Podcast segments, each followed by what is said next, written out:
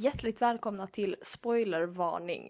Idag kommer vi köra ett mellanpoddsavsnitt, vilket vi inte har gjort på ett tag. Särskilt inte ett mellanpoddsavsnitt som inte är en specialare av något slag. Jag som pratar just nu heter Mikaela Magnusson och med mig har jag... Linus Svensson, hej. Så jävla långsam på den där, alltid. Men jag klipper det tajtare.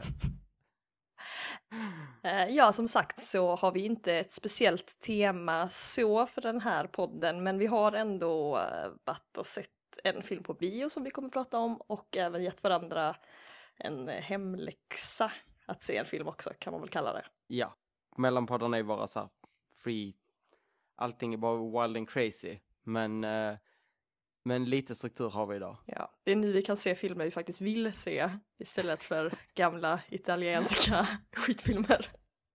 Ja, precis. Så vad var det vi gick och såg på bio? Uh, vi var och tittade på Mad Max Fury Road.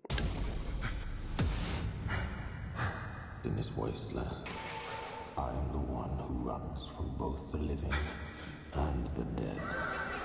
A man reduced to a single instinct.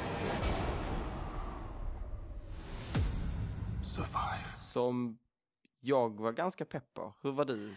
Jag var ju inte så pepp alls. Alltså du pratade om den för några, jag vet inte, veckor sedan, månader sedan och bara åh, det har kommit en trailer och jag bara what the fuck is this?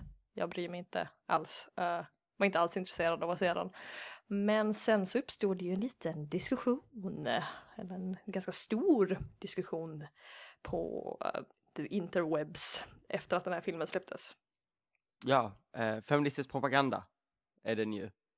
Men in America and around the world are going to be duped by explosions, fire, tornadoes, and desert raiders into seeing what is guaranteed to be nothing more than feminist propaganda. So make sure you don't see this film. If it's advertised somewhere, uh, break out of the uh, break out of the advertisement. Ja, det var tydligen en massa som ansåg att den här filmen var den var en skymf mot den, eh, som de också kallar så här, den amerikanska kultserien. Men det är inte amerikanskt, det är australiensiskt.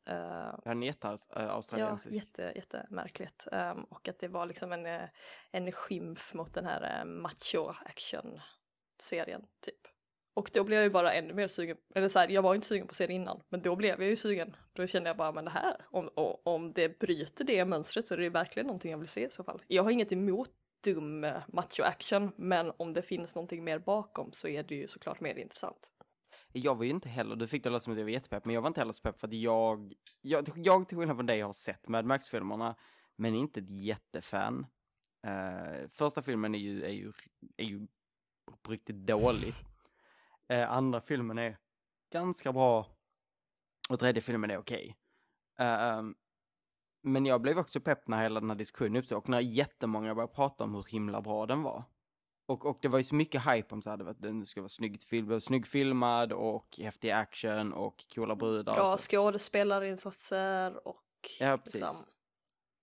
Och i allt det så, så, glömde jag lite att det var en Mad Max-film. Så jag, hade inte, jag blev lite chockad när filmen började och det verkligen, för att Mad Max är så här filmen med, med människor i gimpsuits på överdrivna bilar. Med så här riktigt övermättade färger. Ja. Och, och jag, jag hade liksom glömt hur, hur, hur over the top Mad Max är. Jag hade ju inte heller riktigt väntat mig det. Eh, jag har ju inte, som du sa, inte sett de andra. Ehm, så jag tänkte mig väl mer att det skulle vara att, eh, nej men jag trodde att det skulle vara lite mer action som typ Taken Alltså lite så här mer åt det mörkare hållet eller vad man nu ska kalla det. Alltså överdriven. Kallar du taken mörk nej, men inte, action? Nej, men, alltså så här överdriven fast inte inte, inte så over the nej, top. inte så over the top liksom. Um, nej, jag hade väl också förväntat mig, inte taken men just men så här typ uh, en, en lite om man säger cleanare action, det här är ganska skitigt, alltså det, det är ganska mycket, det är ganska mycket äckligheter och skit runt i det här. Jag hade inte riktigt räknat det. Med gimpsuits och eh, missfoster och eh, allt möjligt creepy. Och lite så här eh, övermäktiga voiceovers och eh, fade to black. En jävla massa fade to black var det. Det ser man inte så ofta. Väldigt mycket åka ner. Det ser man ju inte jätteofta annars i film. Nej, det var rätt mycket som man inte ser jätteofta. En- Alltså, till exempel en sak som att de har jättemycket snabbspolning i den här filmen. Så här lite, lite grann. På det, så det ser lite ut som när man gjorde så här bilscener förr i tiden. När man körde i typ 20 kilometer i timmen och sen speed upp som fan. Um, fast de gör det mer till ett stilgrepp här. Ja, jag tyckte det var ganska skönt på något sätt. Alltså så här, istället för att göra den här slow motion grejen, alltså typ det här som de använder i Fast and Furious hela tiden till exempel, så använder man den här snabbspolningen. Så det kändes lite fräscht på något sätt. Även om det är ett jättegammalt grepp som man bara har gjort om typ. Ja, men det är mycket i klippningen som kändes spännande, vilket ju vi, vi pratade om det efteråt. Jag läste om det in ett tag innan jag sen att det är ju, han lät ju sin, hans fru är ju klippare, editor, fast på svenska, klippare. Mm. Alltså regissörens fru. Och han eh, gav ju till henne att, att klippa filmen, vilket hon var lite förvånad över eftersom hon inte har klippt actionfilmer. Han sa det, nej men jag vill inte att den här ska klippas som alla andra actionfilmer klipps. Och jag vet inte, det märktes väl lite. Ja, men på ett positivt sätt då, nästan. Um, jag läste också om i efterhand att den har filmats på ett lite annorlunda sätt också.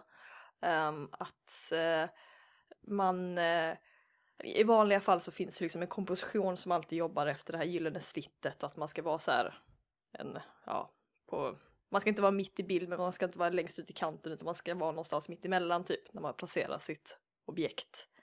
Uh, men att regissören sa till fotografen till den här filmen att man skulle placera karaktären i mitten av bilden hela tiden.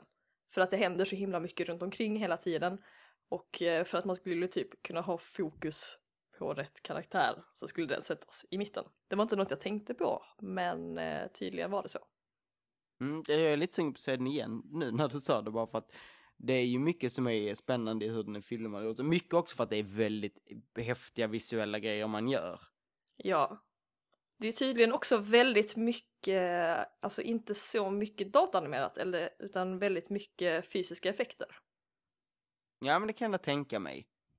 Ja. Eh, Det känns lite så. Sen är det ju alltså, det är ju en del saker som är uppmärksammade. Jag menar hela stormscenen när de kör in i en sandstorm. Liksom, Ja. Allting där är ju typ datanimerat, men Men typ så här bilar som sprängs och sånt, då är det ju faktiskt bilar som Mm. sprängs. Och det är väldigt mycket stunts som görs på riktigt och det är liksom i- en väldigt overklig film så, så har det faktiskt gjorts på ett ganska, alltså så här, de har faktiskt gjort det i verkligheten.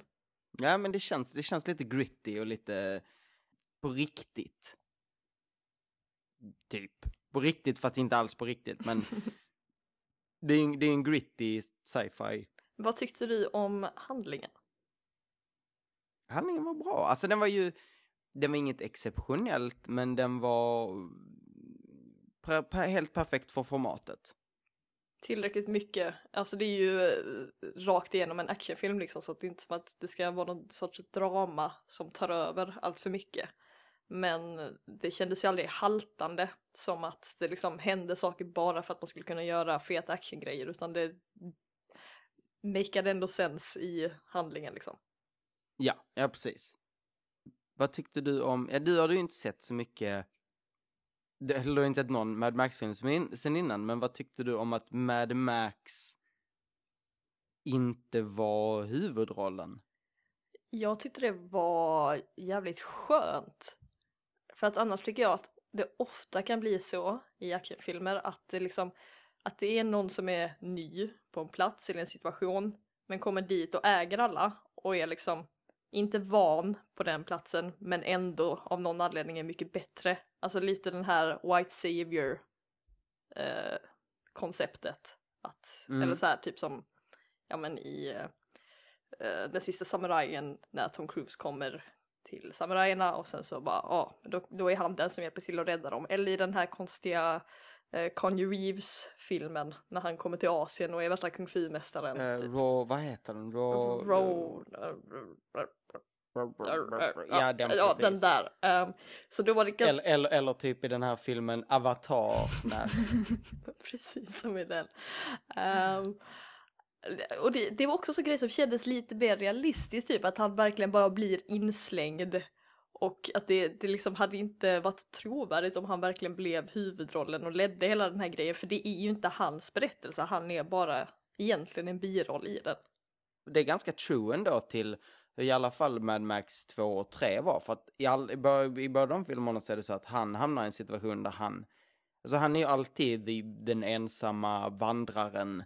Eh, vilket man ju ser både i början när han är ensam innan han blir tillfångatagen och i slutet när han försvinner iväg igen bara. För att han är alltid den som ensam vandrar runt i världen, hamnar i situationer och där hjälper till. Men han, det är inte hans berättelser.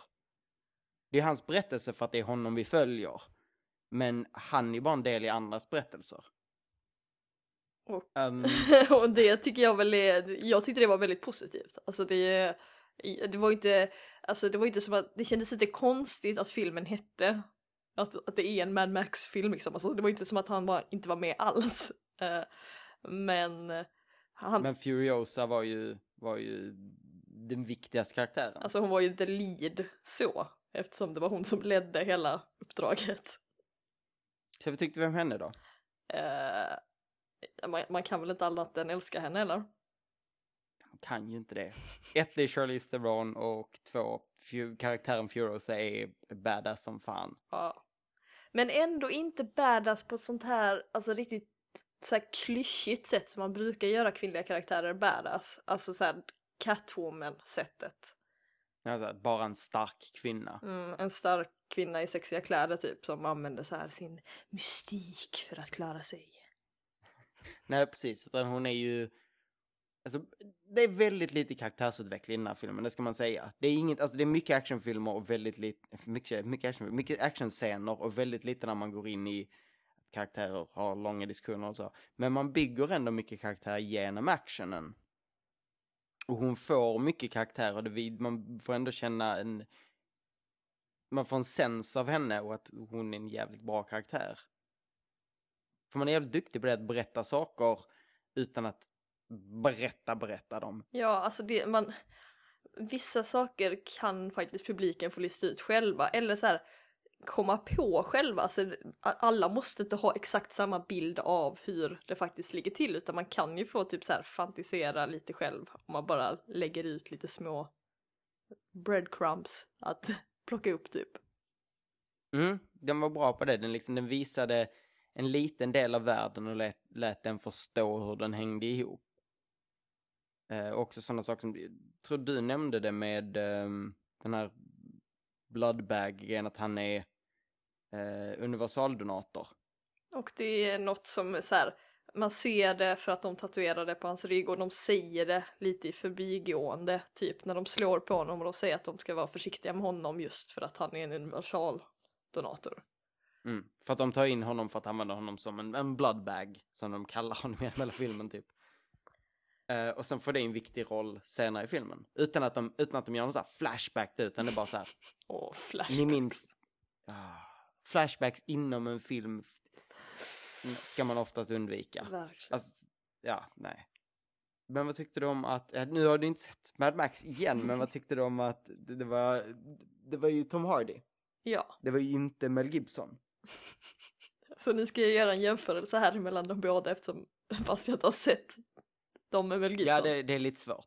Det är lite svårt, men jag, alltså jag kan ju ändå... Det var också en sån sak vi pratade lite om efter att vi hade sett den, det här med hur mad Max egentligen är. Ehm, och jag vet ju att Mel Gibson kan spela väldigt crazy. Eh, han kan göra väldigt stirriga ögon på ett bra sätt. Ja, det, det, det var de stirriga ögonen sakerna för att Tom Hardy spelar väldigt lågmält och det, det finns en poäng i det och, och många har berömt hans låg, att han kan spela crazy utan att vara så här crazy utan att han är lite så här lågmält galen. Men jag saknar Mel Gibsons stirriga ögon, när Mel Gibson ser chockad stirrig ut. För det fanns så många scener man kände att här skulle Mel Gibson sett chockad stirrig ut så jävla bra. Ja, alltså. Jag tyckte inte det var jättetydligt varför han heter eller kallas för Mad Max liksom. Alltså det var, han, han var ju mer som Ryan Gosling i Drive typ. Alltså så här. Fast lite stissigare. Helt ärligt, han är inte jävligt mad i de tidigare filmerna heller. Grejen är att hans, hans familj dör i första filmen. Eh, och det genomsyrar de andra två filmerna. Eh, och det är egentligen det man behöver veta om första filmen, för den är verkligen värdelös. Ehm, men men det har aldrig varit en jättestort impact. Det är nästan större impact nu än det varit i tidigare filmer. Okej. Men man sak, men, men ändå så skulle man vilja ha den här, inte bara stirrigheten som att han är crazy, utan också stirrigheten som i att han befinner sig i så här chockande situationer. Och då, för att det, det, det finns ett visst mått av humor i den här filmen ändå. Vilket ibland kan använda, till exempel det här, det här när speed up grejen kan bli nästan lite humoristiskt. När han håller på att såga av sin eh, face-mask så speedar de upp hans sågande så att det blir lite så här hypersnabbt typ. Um, och då hade, då hade jag velat ha, när han står uppe på den här The War Rig och explosioner runt om och håller på att såga, då hade jag velat ha Mel Gibsons stirriga ögon. Men det går ju inte för Mel Gibson är jättegammal och, och crazy på riktigt. Ja, han, eh, jag, tror inte det hade blivit så bra om man hade gjort en sån här eh, Legolas-grej med honom och liksom tagit in honom och gjort hans ansikte ungt digitalt. Nej, Nej. nej det är klart det inte går. Eh, men jag vill ju ha en ung Mel Gibson. Nu, inte, ingen disrespect på Tom Hardy, men jag, jag är faktiskt stort fan av Mel Gibsons skådespeleri. Jag kan inte komma ifrån det. Och jag tycker han har gjort bra filmer ända fram till slutet. Till slutet som att han är död. Nej men till slut. Mer eller mindre slutet av hans karriär. Han kommer väl göra någon slags comeback men ja, han... han har eh, väl försökt men jag vet inte hur bra det går. Nej men precis innan han crazy gjorde han till exempel Edge of Darkness som jag håller som en av hans bästa filmer någonsin och som är en fantastisk film. Har du sett, på senaste åren har de väl gjort den här The Beaver? Eller? Jag, jag har inte sett The Beaver, jag är lite sugen. Alltså det, det känns ju också som en passande roll för honom eftersom det handlar om någon som är lite crazy. Mm. Men det är väl den som har fått lite blandade. Ja. Alltså, vissa att den är briljant, men andra säger att den är jättekonstig. Um, men eh, allt som allt så var vi väl väldigt nöjda med biobesöket på Mad Max, eller? Ja, jag var nöjd. det var, det var ett bra biobesök. Det var det. Och jag, alltså det- vi pratade om innan det här med diskussioner som hade uppstått. eh, jag hade liksom förväntat mig att det skulle vara så mycket mer typ så här feministisk agenda som försökte pushas fram. Men alltså det var ju bara att så här, åh, det fanns kvinnliga karaktärer som faktiskt gjorde någonting i filmen. Det fanns ganska många av dem. Den klarade beställtestet liksom with flying colors och det var bara så här trovärdiga kvinnliga karaktärer för en gångs skull. Är det så mycket att så här, hetsa upp sig över? Jag var lite tvärtom, jag hade väntat mig ännu mindre att de skulle ha gått på ännu mindre saker. Men det var ju ändå det hela den här grejen med att eh, hon kom från en all female klan eh, och att de gick ihop och slogs. Det blev ju liksom en, ändå en, det var ju en woman story. Ehm, inte som i feministisk propaganda, men det var ju en woman story.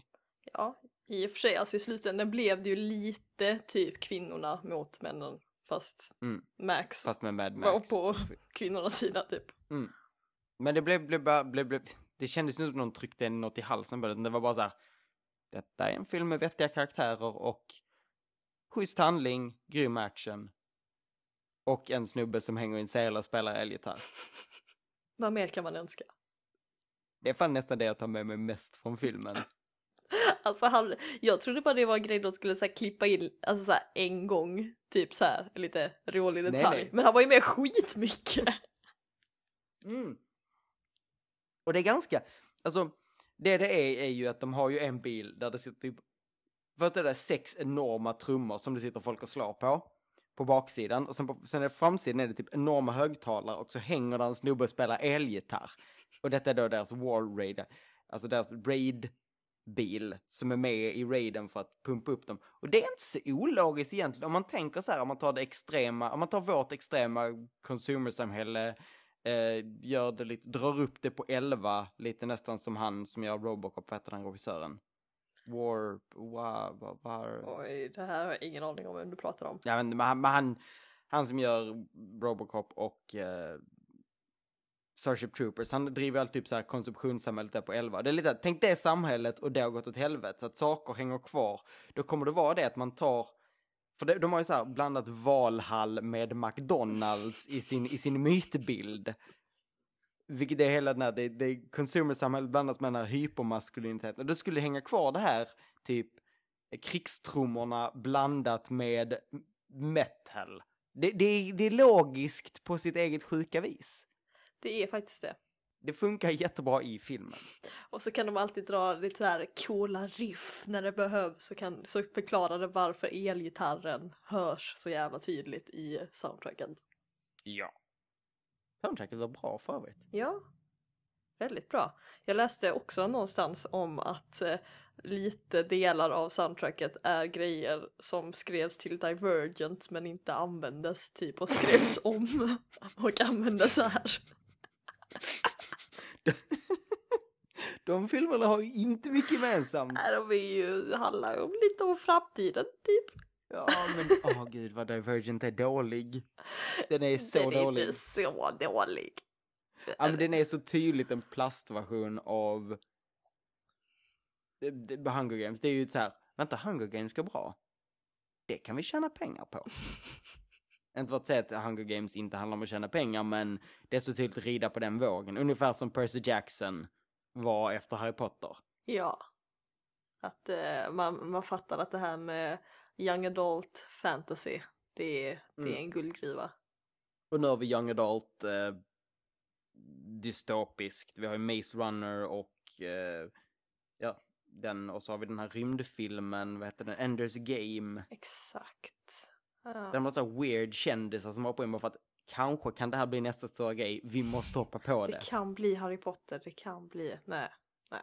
Det blir Nej, inte. nej. Och, eller Hunger Games, den är väl också framgångsrik liksom, men eh, Mm, men det känns som att folk börjar hoppa på den rätt sent, eller jag vet inte, Det- men det känns, det, det är ju mindre stora kändisar i första filmen än i andra filmen till exempel. ja. Eh, ja, så det var ju lite vad vi tyckte om eh, Mad Max Fury Road då. Och eh, som jag nämnde tidigare så hade vi ju, eller har vi bestämt att vi skulle se en annan film båda två också, så vi skulle kunna ha lite att prata om. Och den är ju inte lik Mad Max på något sätt alls. Nej. Faktiskt, för jag, jag, jag sa när vi typ bestämde det att så här, bara, ah, ja men de eh, båda handlar ändå lite om framtiden.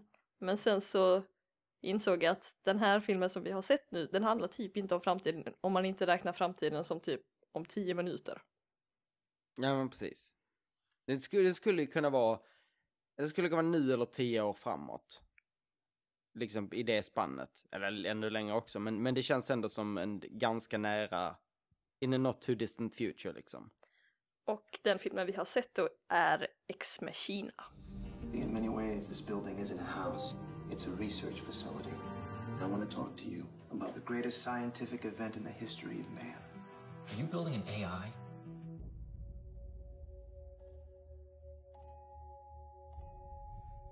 Hello. Hi. I've never met anyone new before. Have you? None like you. Som det känns som att du hade bättre koll på innan jag. Jag visste att folk var pepp och sura för att han skulle gå på bio och det var typ det jag visste.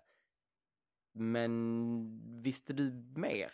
Alltså, jag, jag visste väl inte jättemycket. Alltså, I och med att eh, en av eh, huvudrollerna spelas av Alicia Vikander så hade jag ju lite koll på den för att jag har så här, hållit lite koll på hennes karriär. Typ för att jag tycker att hon är bra, tycker det är roligt att hon lyckas i Hollywood och sånt där. Vad har hon gjort med? För jag är så här, Eh, jag vet hon att är hon är med svensk i eh.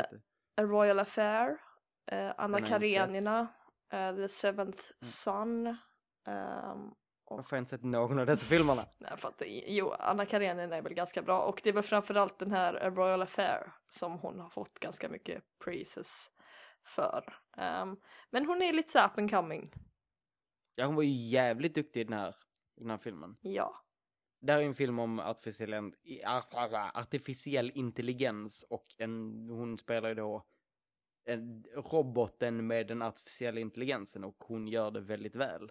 Ja, jag tyckte, alltså i, i den här filmen så finns det ju tre ja, men tre karaktärer i stort sett, fyra typ, men det är tre huvudkaraktärer och det är ju då Alicia Vikander och sen så är det mannen som har eh, så här, uppfunnit henne som spelas av Oscar Isaac och sen så är det Ja, jag kommer inte försöka ens uttala hans namn. Han som spelar Bill Weasley. Ah, spelar han det också? För mig är han snubben, nu efter den här spelen, för speciellt snubben som kommer in någonstans där han inte riktigt hör hemma och tror han ska göra bra saker men fuckar upp det. för, för han är ju med också, nu måste jag dubbelkolla, men jag är rätt säker på att han är också med i Frank. Eh, nu måste jag bara dubbelkolla det. Eh, men Frank som jag såg för ett tag sedan, sen, sen vi spelade in en sån här sist så vi kan prata om den lite också. Frank är ju den här eh, indiefilmen med Michael Fassbender. Michael Fassbender i, i ett stort huvud, dockhuvud, typ. How to describe Frank? One, two, three, four. Well, there's the head, of course. He never takes it off. I have a certificate. Vadå, Donald Gleeson? Det var väl inte så svårt att Nej, men uttala. jag, jag, tror inte det är, jag, tror, jag tror det inte är så man ska uttala det. För att det är, Tror inte no- jag heller. nej, det är någon form av irländskt, skotskt, någonting namn. Wales kanske, jag vet inte. So uh, yeah, I've been called most things. Uh, Dom Hall is quite uh, a big one. Dom Hall, if you're uh, Alejandro Inarritu. Uh, there was a there was a article last week that said the rapid rise of downhill Gleason, which I found kind of uh, interesting that my agent sent me. Uh, but it's uh, Donal is how I pronounce my name, uh, which is like tonal but with a D instead of a T, and the M is just there to confuse Americans. Men han spelar också i Frank och där spelar han också en karaktär som kommer in utifrån, tror han ska hjälpa och bara förstör allt. Och han har, efter den filmen så för mig så ser han så osympatisk ut så det var svårt att se honom som huvudpersonen Ja. riktigt. Eh, det jag skulle säga när jag började presentera karaktärerna var att eh, Alicia Vikander är ju väldigt, väldigt bra. Men eh, Oscar Isaac är väl ändå den bästa skådespelarinsatsen i den här filmen. Ja, han är ju men Han, är, han, han spelar också den, jag vill inte säga lätta rollen, men han spelar ju en douchebag. Han spelar en nyanserad douchebag, men han är ändå så jävla rövig. Alltså det är inte typ supertydligt från början. Alltså det var en sån sak jag tyckte var så skönt att så här, filmen, jag trodde att den verkligen skulle vara så här dystopisk hela vägen typ, att det skulle vara så jävla lite så här mystiskt och läskigt redan från början. Men från början så är det ju ganska så här glad, god stämning. Ja, men jag, jag tyckte stämningen var jobbig. Ska vi, ska vi, ta, vi tog inte storyn så mycket i den andra, Mad Max, men det är typ så här, de åker på en väg och de goda slåss mot de onda. här, är, här är historien, handlar ju om eh, den här Donald Gleason som inte spe- heter, men Caleb. Här, som åker till, han vinner ett lotteri fast det gör han inte egentligen, men han åker då till, för att han jobbar på ett företag som heter Blue Book som är Typ Google. Google. Ehm, fast i den här fiktiva världen som är, då leds av eh, Isaacs, Nathan heter den karaktären. Nathans, ja precis, Nathan skapade den, skapade det här företaget och han är ett geni. Och han bor så här, typ ute i ingenstans i ett här hypermodernt hus. Och eh, Caleb kommer dit för att, för att han vinner ett lotteri för att visa att han egentligen har blivit utvald. För att han ska så här, göra eh, Turing-test på en artificiell intelligens som då spelas av eh, Alicia Vikander. Han kommer ju dit då eh, och direkt när de träffas så, så är han, jo men han är arrogant, Nathan är ju arrogant från början. Caleb, I'm just gonna throw this out there so it's said, okay? You're freaked out. I am? Yeah, you're freaked out by the helicopter and the mountains and the house because it's all so super cool. And you're freaked out by me to be meeting me, having this conversation in this room at this moment, right? And I get that. I get the moment you're having, but dude, can we just get past that? Eh, ja, det är han. Alltså väldigt arrogant. Men jag, jag har fortfarande i minnet den här, eh, vad är det den heter, den här skitiga och som vi inte alls tyckte om, Oscarsfilmen. Uh, Foxcatcher. Foxcatcher, ja. Ja. eh, och jag tänkte mig att han skulle vara som Steve Carells karaktär, för att han är ju en liknande typ av karaktär, så här superrik som bor på ett estate och tar emot folk. eh, och Okej. ska så här vara host för dem. Eh, Så jobbigt är det inte. Eh, nej, så liksom i jämförelse med honom så tyckte jag att Oscar Isaac var, eller Nathan då, eh, var så här, ja men fan skön snubbe ändå. Och han var liksom så här inte den här typiske vetenskapssnubben liksom, eller vetenskap, men så här geniet. Men han var ju så typiskt att han lyssnar ju inte på någonting Caleb säger egentligen. Utan han alltid väntar på att Ca- Caleb ska lämna honom en, en öppning att säga det han vill säga. Cozy, right? Yeah, this is great. What? Sorry? There's something wrong. What's wrong? There's nothing wrong. It's the windows. You're thinking there's no windows. It's subterranean. It's not cozy. It's claustrophobic. No, no way. I wasn't thinking that. I was thinking this is really cool. Caleb, there's a reason there are no windows in this room. There is? Uh huh. This building isn't a house, it's a research facility. Eh, Det är i och för sig sant. Mm, och han är ju så douchig så ofta i att så här att "I- skit i vad du sa, nu ska vi prata om det, alltså så här. Och jag, alltså, jag, jag vet att jag hade inte kunnat umgås med honom för att jag hade tyckt det var jättejobbigt. Men, men ja, det, han, var inte, han var ju inte så illa. Nej, inte så illa, men ganska illa. Och han blir ju värre under tiden filmen går. Ja, man får ju reda på att han är, han är ju, han ljuger ju. Why did you tell me I shouldn't trust Nathan? Because he tells lies. Lies about what? Everything. Han har ju hemligheter. Vilket också den här roboten har. Det är en massa hemligheter och, och mysterier. Mysterier. Mysterium. Mysterier? Mysterium? Är, är det inte ett mysterium, flera mysterier? Du har sagt rätt. Det är det i alla fall. Tyckte du det var förutsägbart eller var det bra mysterier? Um, I början, ja, lite förutsägbart för att man har sett, vi har sett AI-filmen så många gånger. Vi vet, vi vet vilka grejer som kommer komma ungefär. Men på slutet, nej, utan de, de lyckades ändå tillföra så mycket nytt i det att det fortfarande är spännande. Inte lika mycket nytt som jag tycker till exempel att Her tillförde till AI-genren häromåret, även om det finns vissa likheter, inte jättemycket, men det finns likheter där så tycker jag att den tillförde mer nytt. Men det finns ändå saker man inte riktigt förväntar sig här. Även om det, är- det, det är bekanta teman. Det är det. Och man...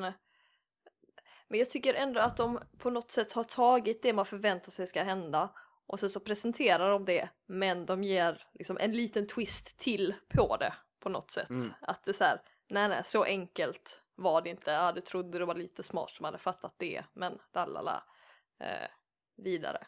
Så jag tyckte det var väldigt eh, spännande filmen igenom faktiskt. Alltså den är ju ganska långsamt uppbyggd men det är ju aldrig långtråkigt på något sätt. Nej, det tänkte jag också på, för den är, ja, den är fruktansvärt långsam. Men det är aldrig som det är en lång, det, det är aldrig långa scener som inte tillför någonting. Utan alla scener, oavsett lång, hur långsamma de är, så känns det som att de hela tiden presenterar plottrelevant information. Utan att det blir så här overcrowded, men det är liksom, ingen scen är där bara för att. tyckte också det var ganska skönt att det inte var så här överdrivet, nu ska vi visa en massa så här sci-fi grejer. Eh, Utan det var så här, det var en del, ja men så här, ja, jag vet inte ens om man ska kalla det sci-fi, men jo det är det ju. Det är ju de- ja men en del sci-fi element, men det var inte som att man så här vältrade sig runt i det och gjorde det helt överdrivet med typ så här, hy, det här huset de är i, hur det var till exempel, utan det var ändå så här. Man, man fokuserade på en grej som Mm. var lite mer high-tech och resten liksom lämnade man orört. alltså det vill datorerna se ut som normala datorer idag. Ja. Typ. För det är sån grej, det kan jag tycka se så, alltså som att liksom att man går för långt, att man, att man bygger upp en värld som blir liksom, den blir distraherande för att den är så himla uttänkt på något sätt. Mm. Alltså att, man att det blir lite så här Wes Anderson grejen. Att liksom, att, eh, Wes Anderson sci-fi. ja men så här, att scenografin blir större än handlingen och karaktärerna. Jag förstår vad du menar. Vi, det här är en av våra, våra, säga, våra favoriter, men vi pratar mycket om det. Långsam sci-fi. Lågmäld sci-fi. Eh, Det är i alla fall en av min favoritgenre. Jag tror också du uppskattar den. Eh, ja, det gör jag, absolut. Mm. Men typ eh, Moon, eh, Equi- Equilibrium går väl in där. Ja. Eh, Minority Report, även om den har det här Wes Anderson sci-fi som du pratade om. Ehm, och Her.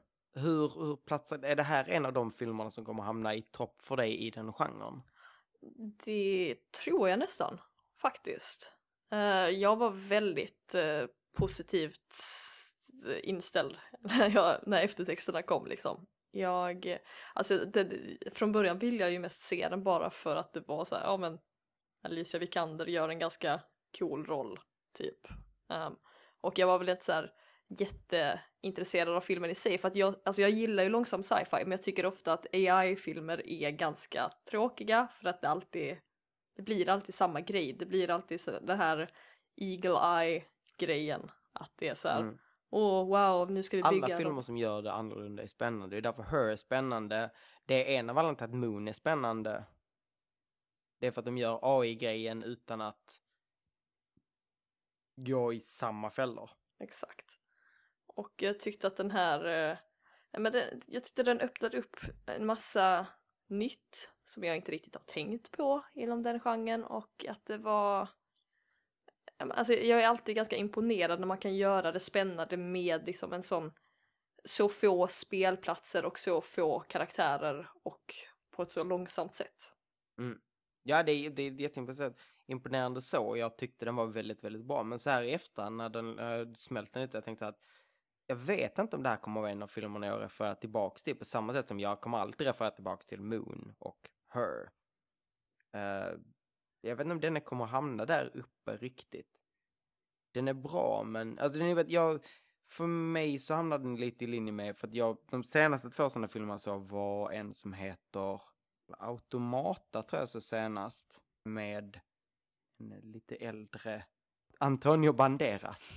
Som inte längre, han, han, han som börjar skådespela lite på riktigt nu när han inte kan bara förlita sig på sina good looks för att han har inte åldrats som vin. Åh, det är allt synd alltså. Mm. Men det här det är ju också en sci-fi, det är ju mer sci-fi, det är ju en eh, den är ju någonstans mitt emellan om man ska säga så, Mad Max och Ex Machina. För det är en dystopi, mycket öken, men också hela AI-grejen. Um, och den var spännande med att kunna hålla upp samma nivå. Ja, alltså en av anledningarna till att jag tyckte så mycket om den här filmen kan ju vara att den senaste AI-filmen jag såg var Transcendence med Johnny Depp. Den har jag inte ens sett. Se den verkligen inte. Det är också lite öken i den i och för sig. Uh, men uh, alltså så dålig, så dålig. Alltså då är nog nästan Eagle Eye bättre. Och den är inte bra. Det, det känns, för att jag, jag hade sett, jag vet att det är så, Automatiskt såg jag ganska nyligen, innan dess såg jag en som jag nu helt har tappat namnet på. Och det är typ inga kända människor med i den alls. Jag vet, men det är också en, en sci-fi-film som är väldigt lågbudget, som är väldigt spännande, men det märks att budgeten tar slut innan de hinner utveckla alla idéer. Så filmen bara tar slut.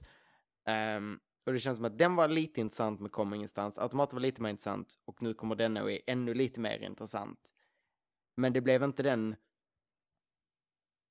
eh, chockbra som jag hade tänkt, som jag kanske tänkt att den skulle vara. Kanske att jag hört så mycket om den.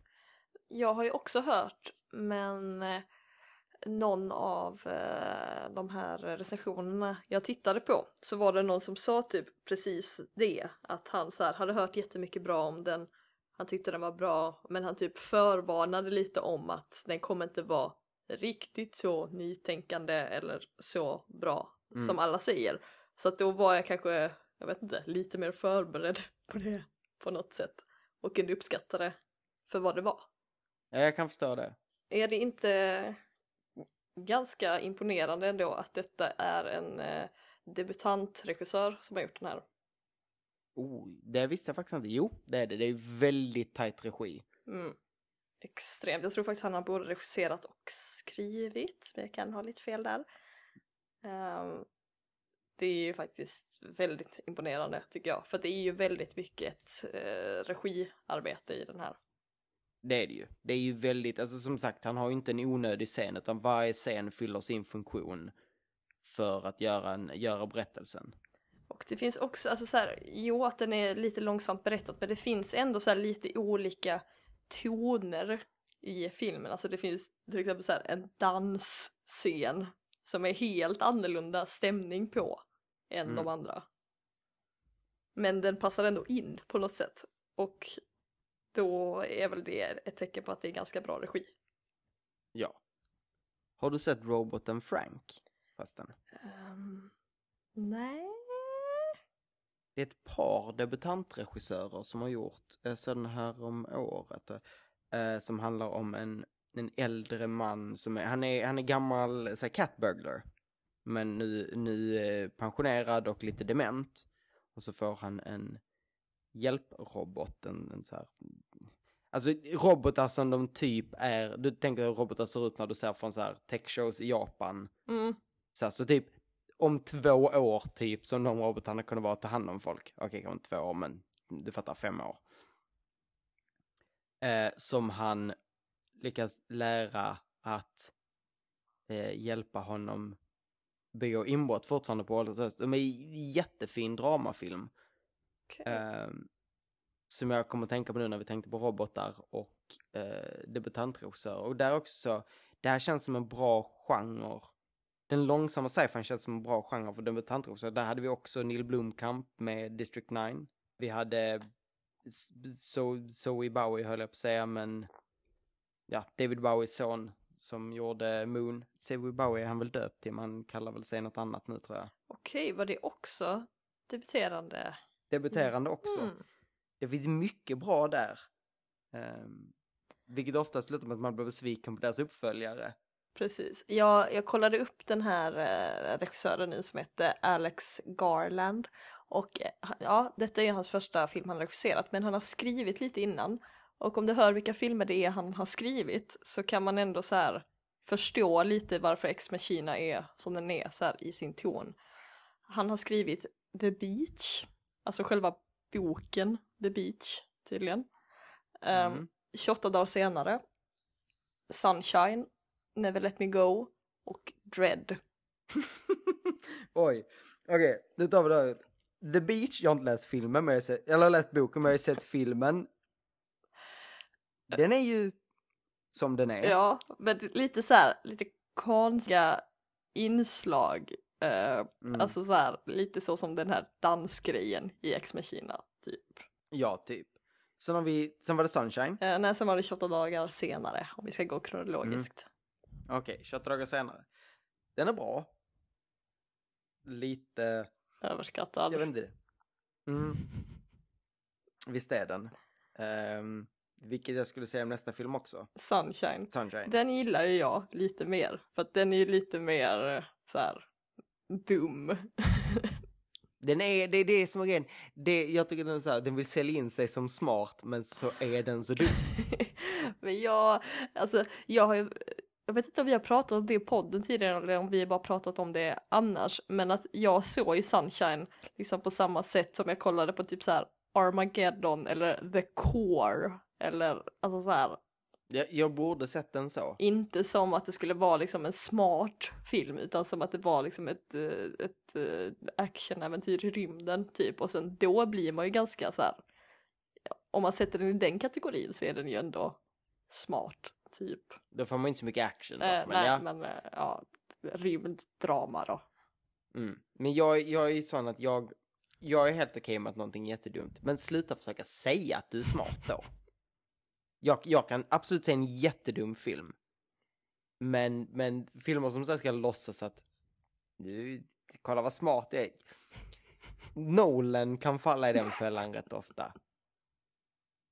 Ehm, vilket kan stö, störa mig. Det, sånt, sånt förstör jättemycket för mig. Vem var nästa av hans Eh, filmer? Never Let Me Go, har du sett den? Den har jag inte sett. Har du sett den? Ja, det har jag. Det är ju med uh, Carrie Mulligan, Keira Knightley och Andrew Garfield.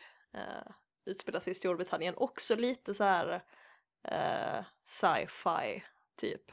Eh, handlar om att de är typ så här, ja men att det är ett samhälle där vissa människor klonas och föds upp för att vara typ så här donatorer. Ja det här, detta är också en superspoiler men den kom faktiskt 2010 så att jag kan få göra det nu. Och det är inte, det sägs ganska tidigt i filmen också. Ehm, Spoila inte för mig, för jag har inte sett Nej. den. Ska man se den? Är den jag se? tycker man ska se den. Eh, den är väldigt så här, den, det, det var särskilt den här jag tänkte att aha, det är därifrån jag känner igen den här viben lite grann. Ja. För den är också så här ganska långsam, lite mer drama än vad Ex Machina är, lite mindre sci-fi. Um, Mm. Men väldigt, väldigt bra. Jag väl tänkte, för sista filmen är ingenting man, man kopplar så mycket till den där. För sista filmen var Dread va? Ja. Som jag faktiskt såg i lördags för första gången. Oj, oj, oj, oj. För att jag har en kollega, hej David om du lyssnar, det tror jag inte du gör, men eh, han, han ravar om den här filmen så mycket. och den är faktiskt underskattad i sin genre, som så här dum action. Men den har ju inte mycket gemensamt med det här. Nej, alltså jag, jag har inte sett den, jag är bara inne och kollar på liksom hur själva omslagsbilden ser ut och eh, nej, det känns inte så likt. Nej, den här är ju, det är ju Judge, det är en Judge Dredd-film.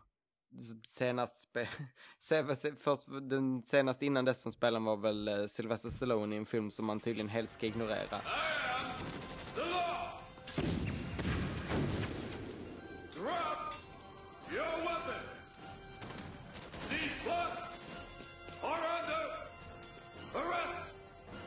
Och nu spelar eh, Carl Urban eh, Dredd. Inhabitants of.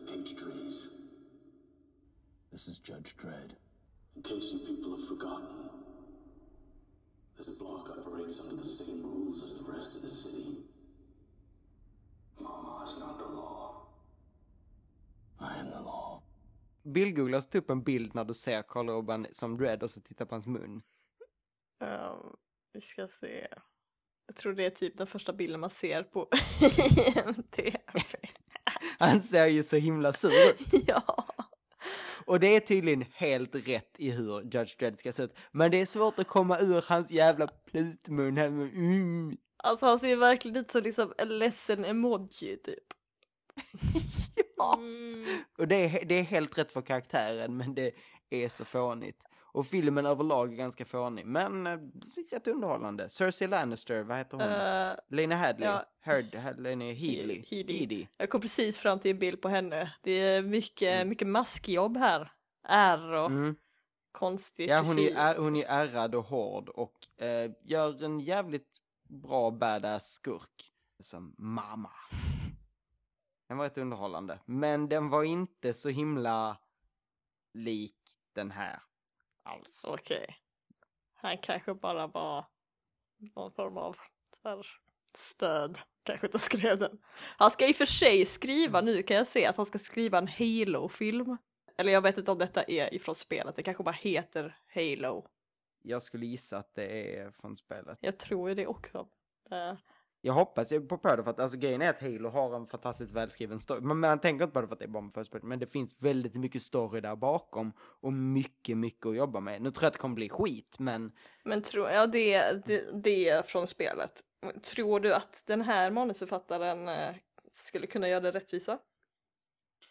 jag tror inte han kommer få möjlighet för jag tror att det kommer fortfarande komma vara så att de, ska, att de inte kommer göra så mycket från spelet utan ungefär som i, i ehm, Prince of Persia som bygger, alltså Prince of Persia-spelet har ett, ett väldigt spännande manus med väldigt, väldigt intressant story medan filmen inte har det. Jag tror den kommer dumma ner det en del. Men ändå om någon ska göra det så tror jag på honom. För att jag menar, jag, det jag märker av honom i Dread som jag kan ändå se i Ex Machina det är det här att scenerna är väldigt bra på att presentera information. Alltså, alltså, det är ingen scen som känns onödig och, och det är ingen scen som är... Alltså, det, det, scenen känns naturlig i berättelsen samtidigt som den presenterar ny information som kommer vara viktig sen. Alltså, han är bra på att skriva en helhet. Mm, lite nästan samma som vi pratade om i Mad Max, det här med att inte vara för övertydlig i sitt berättande men ändå tydlig. Ja, precis. Så ja, ja lite pepp. Fast den tror jag aldrig att... Helt ärligt, det, jag tror inte det kommer bli en Halo-film för det har varit snack så jävla länge. Uh, Guillermo del Toro skulle väl göra... Nej, skulle han göra den? Han kanske... Jag vet inte om han skulle göra den, men jag vet att... Fan var inte Cameron inblandad i ett Halo-projekt ett tag? Ja, alltså, Nej, inte Cameron. Jackson? Nu är jag väldigt osäker, men någon stor jävla regissör var inblandad och skulle göra någonting. alltså på den här så står det ju release date, frågetecken, frågetecken, frågetecken. Eh, så att den har inte kommit så långt i planeringen.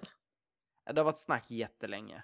Och jag tror att man skulle kunna göra något väldigt bra för att det finns väldigt, alltså, där har vi ju eh, high sci-fi, liksom, alltså riktig, inte hard sci-fi jag ta i, även det finns, nej inte hard sci-fi, men det finns ändå ehm, mycket att bygga på. Det finns ju den här, det är byggt på samma sätt som all, all rymd sci-fi är i princip idag. Om du tittar på Star, Starship, vad heter de? Nej, Stargate. Stargate-filmerna och serierna och filmer. tror jag. Och eh, om man tar spel, Halo och Mass Effect. Det är att människor kommer ut i rymden. Eh, det finns andra rymdvarelser och det finns också en en ancient ras som har försvunnit. Det finns alltid en ancient ras som har försvunnit vars artefakter alltid är central. Det, det, det, det, liksom, det, det har gjort så många gånger. Det är alltid spännande. Men eh, det finns ju mycket där att ta ifrån. De har en väldigt välskriven backstory där. Som inte alltid presenteras i spel, utan det finns ju böcker och grejer runt om. Så mycket nörd jag. Jag har inte läst böckerna, jag har bara läst. Mm, Okej. Mm, ja. Men lite nörd är jag. Lite. Eh, Men det finns där, i alla fall mycket där att bygga på att göra en film av. härligt. Jag, jag kan tänka mig att se den så länge det inte är så här du måste ha spelat spelet för att fatta. Nej, men de vill inte skjuta sig i foten så. Jag är rädd att det kommer vara för lite av spelet bara. Ja, alltså de kan ju verkligen göra en, alltså, typ som, alltså det enda, det enda exemplet jag, jag kan komma på nu är Battleship. Um, som ju inte har så mycket med spelet att göra. Ja, men alltså de flesta, spe, de flesta eh, filmer som görs av spel har inte så mycket med film att göra. Nu, nu är ju eh, Uwe Boll är alltid fel exemplet eftersom han är skitdålig. Vet du vem Uwe Boll Nej. är? Som. Uwe Boll är känd för att han gör skitdåliga filmer baserade på spel. Um, han, gör, han är också känd för att han vid ett tillfälle han fick väldigt mycket kritik för sina filmer utmanade en, en uh, kritiker till en till wrestlingmatch för att han, kan- eller boxningsmatch, någonting, eh, så jävla dumt. Men han är ju han är den personen som tog eh, Far Cry, ett, ett, en, eh, ett spel som utspelar sig med en amerikan i huvudrollen på en tropisk ö, satte en tysk snubbe som knappt kunde prata engelska i huvudrollen och spelade in den i Kanadas skogar. Men han verkar ju vara, han är tysk eller? Så det är kanske inte... Han är tysk. Ja. Han är, alltså han är, han är, han är så usel. Jag, jag kollar igenom hans filmer nu, jag har, inte, jag, jag, jag har aldrig ens hört talas om något av det här.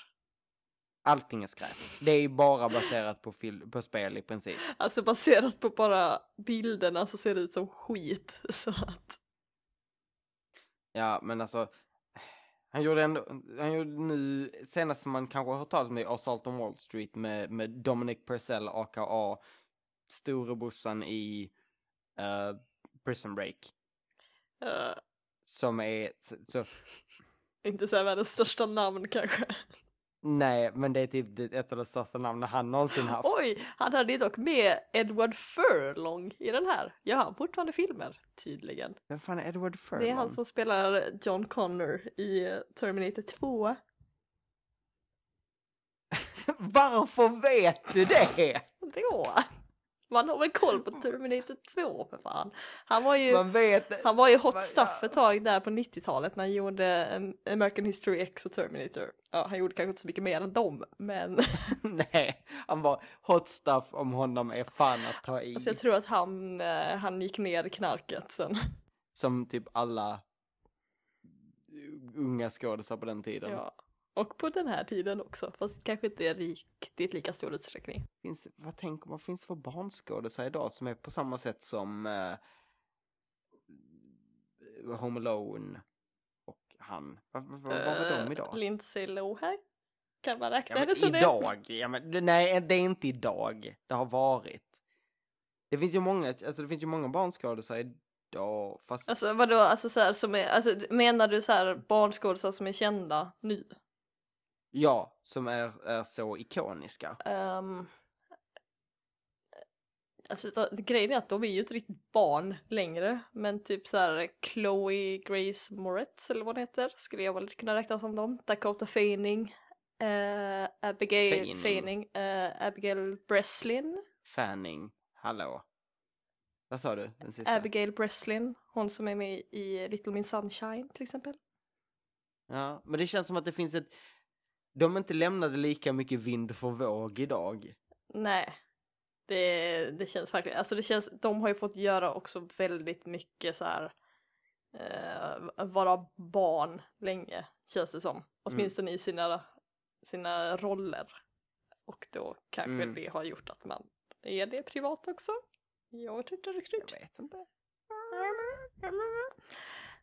Ska vi, ska vi rappa upp det? Rappa upp det. Ja men vi kan rappa upp det. Vi börjar ändå närma oss en timme. Ja. Jag tänkte att vi kan rappa upp det med att prata lite om, jag vet inte om du har sett den här filmen, jag har för mig det. Men eh, precis innan vi började spela in, när jag käkade min mat, så tittade jag på början av en film. Och det var John Wick. Oh, den har jag sett. Vad, Jag hade en bra actionhelg när jag såg John Wick och The... Uh, Denzel Washingtons hennes film. Eh, The Equalizer. ah, lite samma handling i dem. bara. Ja. John Wick är nog den jag håller ändå som den bättre filmen av de två. Även om jag gillar båda. Jag har väl sett eh, kanske, vi ska se här, 50 minuter hittills. Och eh, tycker det är rätt bra. Alltså hittills så känns det lite så som jag ville att taken skulle vara, fast den inte var. Jag förstår precis vad du menar. Det här är samma typ av action fast gjord... Alltså den, den är ju inte, den är ju mer over the top än till exempel Born. Ja, Men inte så dum som Taken. precis. Alltså det är ju så här, ja här är det också ryssar med. Alltså det, är, alltså det, det är smart och det är jävligt överdrivet att det är så här, åh, han är den, den bästa assassin någonsin och det är lite så här, lite, lite dumt. Eh, För ens, Ja men det, det är en klassisk eh, Steve... Um, jag tappar namn. Med hästsvansen. Steven Seagal. Det är Steven Seagal, det är, lite, det är klassisk Steven Seagal-story. Han är den bästa och nu måste han komma tillbaka. Men den är gjord, den är ju välproducerad, den är snygg och den, den hymlar inte med vad den är och försöker inte göra mer än det. Den, den presenterar så här. Här är han, här är hans karaktär, det här är hans motiv, go. Något jag har gillat hittills också var att de gjorde inte den här klassiska grejen att man dödar tjejen för att skapa en motiv. Okej, att hon, hon dog ju, eller hon är död. Men det var inte det som utlöste det, utan det var valpen! Ja, Det var you ju... killed my dog, now I will kill you all. Tänk om Liam Neeson hade sagt det där i telefonen, alltså det hade varit så mycket coolare. Eh, Ja, nej men, nej, men det, det, var ju, det var ju lite sorgligt också, alltså man kan, man kan inte döda en valp. Det är ju fruktansvärt. det, det, det är inte Jag, jag, okej. för, jag förstår det liksom. Jag, jag förstår verkligen bara nu shit's gonna get down för att man, man, man, man knäcker inte nacken på en sån söt liten valp. Alltså jag, grejen var att jag visste ju om att det skulle, för jag visste att det skulle vara storyn och när jag ser för hunden första gången bara nej, nej, de, de ska inte dö, den är ju så, nej. Jag tänkte typ att, eh, alltså jag, jag hade faktiskt ingen aning alls om vad den här filmen skulle handla om. Jag, alltså jag fick lite så här bilkänsla, att det skulle vara lite så här Drive Hard eller vad fan den där heter med, med Nicolas Cage. Heter den så? Alltså att det skulle vara lite så här biltema. Gone in 60 seconds. Nej, han har en annan som är ganska ny, som verkar skitdålig, som jag inte har sett. Jag inte sett. ja, ja och, whatever. Eh, ja, men jag trodde det skulle vara bilbaserat och då tänkte jag typ att ja, men då kan han ju så här, hunden vara med honom i bilen hela tiden, la la la, åh vad mysigt. Sen bara, nej, Nej. så blev det inte alls. Ehm, Men visst, men visst, visst gillar man Keanu Reeves? man gör ju det. Alltså jag har Det alltid går inte att komma ifrån. Jag har alltid gillat Carl Reeves. Alltså, det är... Okej, fast det är inte hans fel. Man tycker inte om honom så mycket i liksom Matrix-uppföljarna. Men man tycker inte riktigt om någonting i de filmerna. Nej, ingenting. Och grejen att han är inte den bästa skådisen, men det han gör, gör jag Jag menar, älskar honom i Speed, älskar honom i första Matrix, älskar honom i John Wick. Jag gillar honom i Konstantin. Vill också ha honom i Konstantin. Det är inte så himla bra film, men Men åh, det, det är också guilty pleasure för mig, alltså Konstantin. Jag har ändå sett den kanske fem gånger eller någonting. Jag gillar den. Det har Peter Stormare som djävulen. Det, det är okej. Det är okej. Rachel Weisz är med. Det är alltid bra. Hon, har två, hon spelar tvillingar. Det är ju underbart.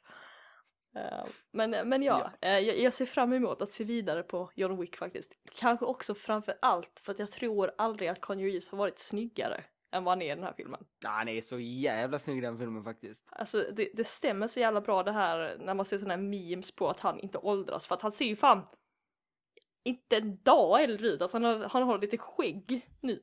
Men han ser ju Mm. likadan ut som han gjorde i Konstantin eller typ som han gjorde i Speed också. Speed? Jo, Speed, ja. Ja. Jag tänkte på Conan 66 och bara, nej, det var... Ja, ehm, men han, jag trodde inte han skulle passa i skägg, men han, passar i skägg. Han passar mycket bra i skägg och lite så här långt hår.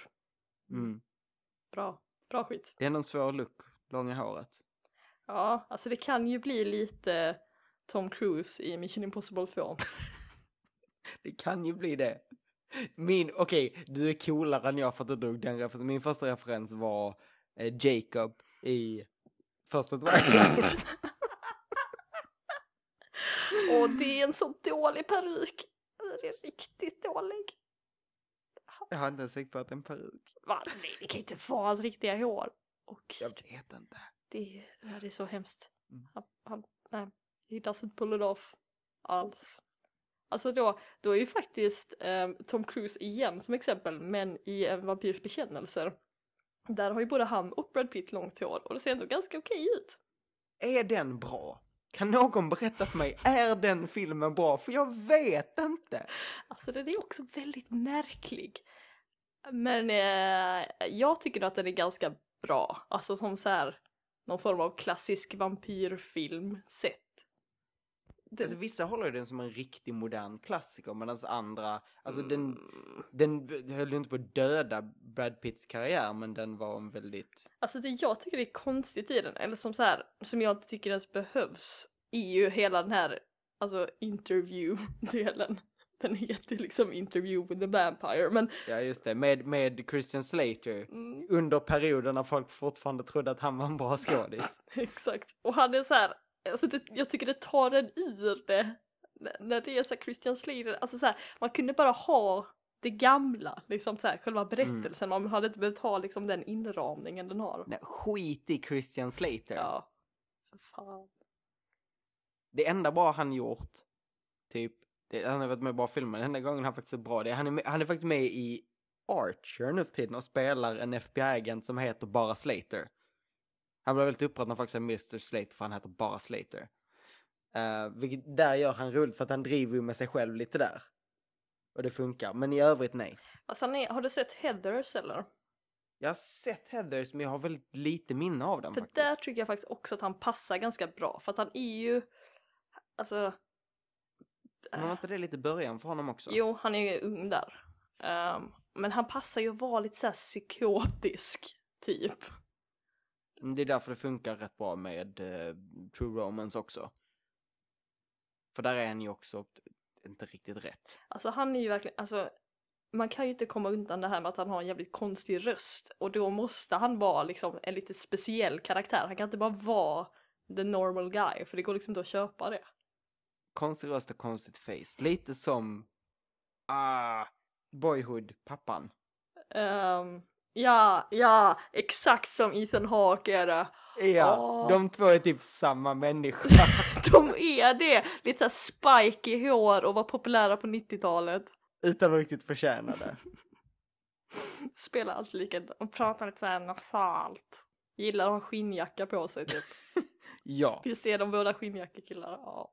Skinnjacka för att den fula sortens skinnjacka, inte den snygga sortens skinnjacka. Så skinnjacka som såhär prasslar jättemycket.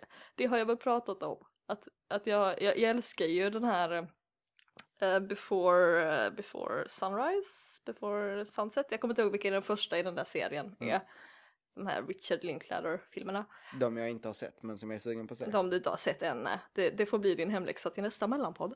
Eh, men i den så har eh, Ethan Hawkes karaktär en skinnjacka på sig och den låter så jävla mycket hela tiden. Den förstör typ så här fina scener för att den låter. men så här, så- du vet lite som när man typ så här, som när man sitter i en skinnsoffa och det är så här. Mm. Det, är exakt, Det var soffan, det var inte jag. exakt typ så låter hans jacka. It was the chair.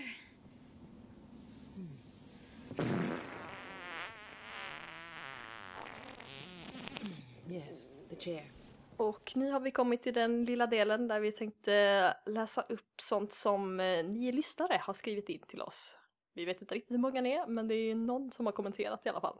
Först och främst på eh, Facebook. Där ni kan hitta oss på facebook.com slash spoilervarning. Då skriver eh, Thomas Rippert. Hej hej, lyssna på er julspecial och hoppas verkligen att er nästnästa film blir Apocalypse Now Redux. Hur långt avsnitt skulle det inte bli? Skulle inte det bli? Tyckte synd om er som fick genomlida ett underbart liv. Jag minns den inte som så hemsk, men men. Och den där John Dark-filmen. Jag hoppas på att nästa episod kommer snart. Gillar kemi och hoppas på att ni kör vidare. Ska vi ta del för del då? Varför lyssnar på julspecialen nu? Ja, alltså det är inte så stämningsfullt att lyssna på den i maj. Nej, han måste vara väldigt efter. Fast samtidigt har han lyssnat på Jean d'Arc. Det kanske är en peak om att det är så långa avsnitt så det tar flera månader att lyssna på dem. Kan vara. För då hade vi ändå höll vi tiden, det var inte som Oscarsspecialen. Apocalypse Now Redux, jag antar att Apocalypse Now kommer någon gång. Säkerligen. Jag är ju inte, vänta, för det, Apocalypse Now är väl den jag tänker på som jag inte alls är taggad på för att det är, vänta. Ja. Nej, nej, jag blandade ihop den här med den där andra, um, Full Metal Jacket. nej, vad är det, fan vad är det den heter som är av han som har gjort Tree of Life som är så dålig. Terrence Malick heter han. Ugh, hatar det. Vilken av hans filmer du inte vill se som... Thin Red Line. Åh. Vill verkligen inte se den. Den är säkert med också. Den är säkert med. De gillar krigsfilmer här. Ja. Han tyckte synd om oss, vi un, genomlida ett underbart liv. Den var inte så illa, så vi har sett värre filmer efter det. Ja, alltså den var ju, vi var nästan lite onödigt hårda mot den i jämförelse. Alltså, Vi visste inte vad som komma skulle. inte alls. Men den var ju inte särskilt bra. Men den var bättre än Sean Dark-filmen. Den var bättre än Jean d'Arc-filmen. Kanske att den hade dialog. Och en handling. Ja. Men eh, så, det, hoppas nästa episod kommer snart. Ja, den kommer ju precis efteråt och nu kommer det snart en till. Vi, det har vi inte ens nämnt, den här kommer ju komma en vecka, bara en vecka efter. Om jag hinner klippa den. Alltså, nej. Nästa kommentar, vår sista kommentar. Inte alls vår sista kommentar, jag har en kommentar till att nämna förresten. Uh, vår näst sista kommentar i alla fall är uh, Redead som nämner att eh, han blev, tyckte det var synd att vi inte blev imponerade av Princess Kaguya. Eller framförallt jag blev inte imponerad av Princess- Kaguya. Han tyckte både om historien och hur den var målad och hur den eh, simplistiska stilen lät folk fylla i luckorna själva. Jag är väl fortfarande inte så imponerad. Den har inte så att den har kommit tillbaks till mig och fyllt mig med lycka. Jag har väl inte tänkt på det så mycket sen jag såg den kanske. Nej, inte jag heller. Har du, har du sett Song of the Sea än? Som man nästan... Jag har ju inte det.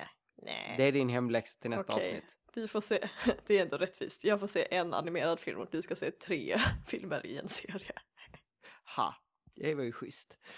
Men han nämner också att han gillar Song of the Sea. Han rättar mig, de är inte i, i, i Skottland utan de är på Irland och jag ber så mycket om ursäkt. Det var jättepinsamt.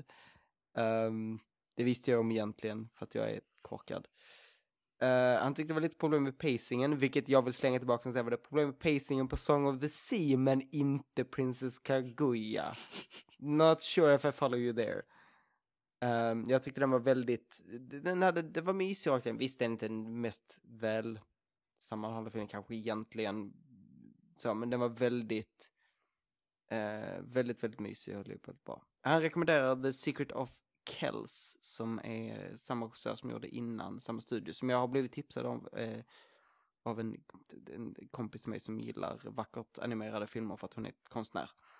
Han tyckte det var bullshit att Song of the Sea och Tale, The Tale of Princess Kaguya, ingen av de två vann priset och jag tycker också det för jag tycker att Song of the Sea skulle vinna.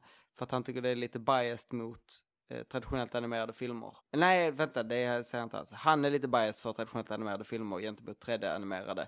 Och det, jag skulle säga att det finns en lite tvärtom-grej där kanske i Oscars nu för tiden, att man vill ha Alltså man är väl överlag lite biased mot alltså eh, amerikanska filmer överlag. Mm. Alltså det är ju sällan en utländsk film vinner någon kategori utöver bästa utländska.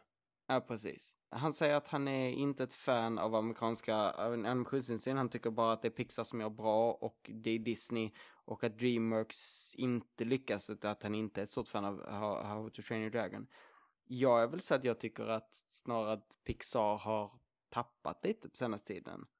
Och att jag håller till exempel How, to Tra- How to Train Your Dragon eller eh, är det Disney Animation Studio som gör eh, Det regnar köttbullar? Är inte det Dreamworks också? Jag tror inte det är Dreamworks, jag tror det är Disney, Sony Pictures Jaha. Animation är det. Det är Sony Pictures Animation som gör Cloud the Chance of Meatballs. Och ehm, tycker den är väldigt hysteriskt rolig. Jag tycker tvåan var bara också charmig men det är än inte lika bra. Eh, han rättar oss också lite angående att Big Hero 6 är Walt Disney Animation Studios och inte Pixar. Men, Men- men... Men, hur är Alltså jag har så dålig koll på det här. Är inte Pixar en del av Disney då? Eller har inte de liksom köpt upp det? Eller hur funkar det? De har väl ett samarbete men jag tror inte de är samma, de hänger inte, alltså de är inte riktigt ihopsmälta. Okej. Mm. Men jag undrar om inte det är lite som med Marvel. Att Marvel fortfarande är en sektion inuti men fortfarande ägs av Disney. Jag vet faktiskt inte det där. Nej, men i och för sig, man kanske inte skulle säga att eh, man skulle inte kalla Avengers för en Disney-film. Så. Det blir Nej. lite fel tänk då, typ. Ja. Även om Disney nu gör väldigt mycket. De har alltid gjort väldigt mycket olika saker. Jag menar, jag vet ju alltid när man såg på Disney Channel kom någon av de filmerna som inte var animerade. Och man bara, what, the- what is this even? De hade en så här eh, världsomsegling under havet som var skitkonstig och jättegammal. Och så satt man där bara, men jag, jag vill se tecknat. Jag visar på Tarzan. Ja, jag gillar Tarzan. Inte serien, men filmen. Och så ska vi ta den sista kommentaren. Innan vi går till sista delen när vi väljer en film. Och den sista kommentaren fick jag på telefon.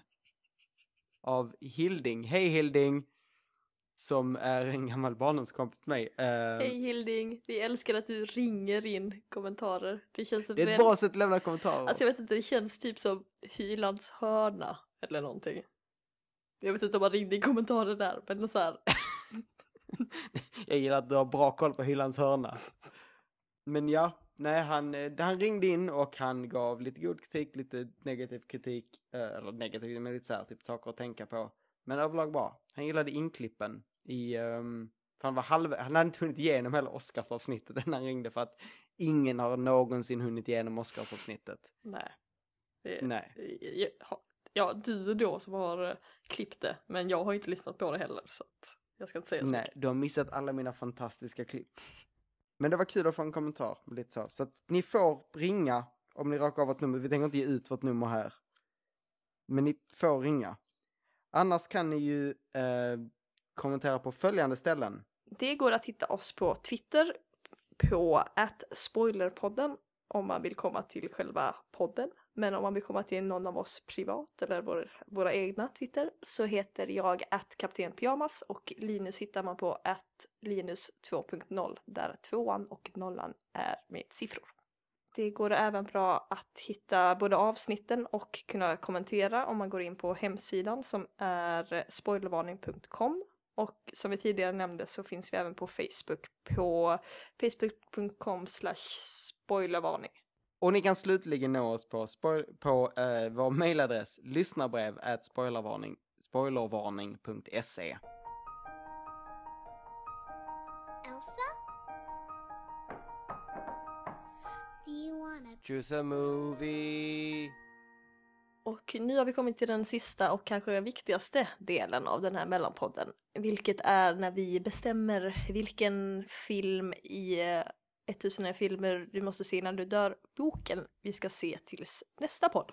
Precis, och jag har precis slagit in då siffrorna 20 och 943. Vilket är eh, första och sista si- sidan i boken det finns en film på. Och vi har fått fram nummer 1938. Okej, detta låter lovande, det låter långt bak. Det är, det, det är sent som fan. Så jag ska bara slå upp den. Det kan till och med du kan gissa den här gången. Oj, oj, oj. Hoppsan! Säger jag. Hoppsan. Nu ska jag försöka, okej jag ska inte försöka göra den här för enkelt. Ah gud. Den här kommer vara så lätt för dig att ta. Oj, shit. Det här är en amerikansk film från 1995. 95, okej. Av en... Alltså typ allting jag säger är en för bra ledtråd. Okej. Det här är som sagt en amerikansk film från 1995. Den är regisserad av en person som innan detta bara regisserat en Alien-film. En Alien-film som att det var i Alien-serien? Eller en... En, en film i Okej, Alien-serien. ja. Ehm, den har en huvudkaraktär som, jag vet inte exakt hur mycket han gjort innan här, men han var väl i alla fall, hade hunnit bli känd för att han var jävligt sexig i en cowboyhatt. Och så har vi en, hans co-star som senare skulle bli känd för att spela Gud. Och så har vi antagonisten som gjorde en väldigt dålig Lex Luthor. Vänta, jag vet, jag, jag vet, jag vet, jag vet vilken det är. Det är Seven. Det är Seven. Gud vad svårt var inte jag för mycket där. Ah. Men jag tog, jag tog det på David Fincher, är det va? Det är David Ja, Fincher. precis. För jag tror det enda han gjorde där innan var väl Alien 3. Eh, Sen bestämde sig nu ska jag sluta göra film. Ja, och då blev det ganska enkelt för att de andra två har ju gjort ganska mycket mer film känns det som. Eller något. Kanske inte? Ja. ja. Eh, jaha, men eh, shit, det här blir alltså första gången vi eh, ser om en film som vi båda har sett tidigare. Precis. Eh, Så det ska bli spännande. Det är en film som man kan se om rätt ofta. När såg du den senast? Det var faktiskt ett tag sedan, det var något år sedan. Men inte, inte det var, jag, är en, jag har inte sett den jättemånga gånger men två, tre gånger. Jag har nog sett den två gånger kanske. Mm. Men eh, senast var nog länge sedan alltså. Jag vet inte ens om detta är en film som jag har sett liksom på eget bevåg någon gång eller vad man ska säga. Jag tror jag har sett den liksom när den går på tv typ. Ja, alltså, nej, det har jag inte, men jag vet att jag har sett den en gång när jag så att skulle se den och så har jag sett den en gång för att visa någon annan. Eh, så det ska bli det spännande att se den verkligen och nagelfara den lite. Mm. Mm. Och, och kul att den inte är från, 62 på ett språk som inte är engelska. Det som Ja. blir roligt med den här filmen är också för att ni kära lyssnare så krävs det inte så mycket ansträngning från er. För att de allra flesta har väl redan sett den här filmen. Så därför så kan det bli lite lättare att hänga med. Man behöver liksom inte dyka bak i arkiven och rota reda på något svartvitt skit för att fatta vad vi pratar om. precis. Och nu tänker vi alltså att nu blir det två veckor, nu blir det bara en vecka till det här avsnittet, men det var två veckor till nästa avsnitt, så nu vill vi ha kommentarer. Era åsikter om Seven, är det en film värd att se? Är det en film som pass, platsar i boken 1001 film du behöver se? Vad är bra, vad är dåligt, vad tycker ni? Ge oss era åsikter. Och ge oss gärna åsikter om de tidigare filmerna vi har recenserat. Även om, som jag sa, det kanske inte är så många av er som har sett dem eller som har tagit er tiden att se dem efter att vi har presenterat dem. Men någon kanske har sett någon av dem i alla fall. Ja. Vi vill ju alltid ha fler kommentarer. Det blir ett långt avsnitt. Attans, det blir alltid det. Mycket film att prata om. Du får klippa bort oss, klippa ner. Det löser du. Jag kommer klippa ner en del, för det har varit en del svammel. Ganska mycket svammel. Som vanligt då. Mm. Speciellt här i sista delen när vi är helt, vi är dåliga på att planera. Varför har vi inte som mer strukturerade poddar som har någon form av Google Docs-dokument och sånt där de går efter ett eh, Det hade varit smart. inspelningsschema. Det kanske är dags att starta ett. Och så här i slutet av det kanske så här skriva upp kontaktuppgifterna till exempel och så här sidorna, boken ja, det är något som ni som lyssnar inte för, men varje gång när jag ska slå upp vilka, vilken film vi ska se så måste jag ta reda på vilken som är den första och sista sidan för jag glömmer det mellan varje avsnitt. Eller vartannat avsnitt blir det idag som vi pratar om det. Så det tar ju lite längre tid. Det gör ju det. Och nu har detta tagit alldeles för lång tid ändå, så att det är dags att säga hej då. Dags att säga hej då. Dags att säga hej då dags att säga hej då. Åh, oh, nej.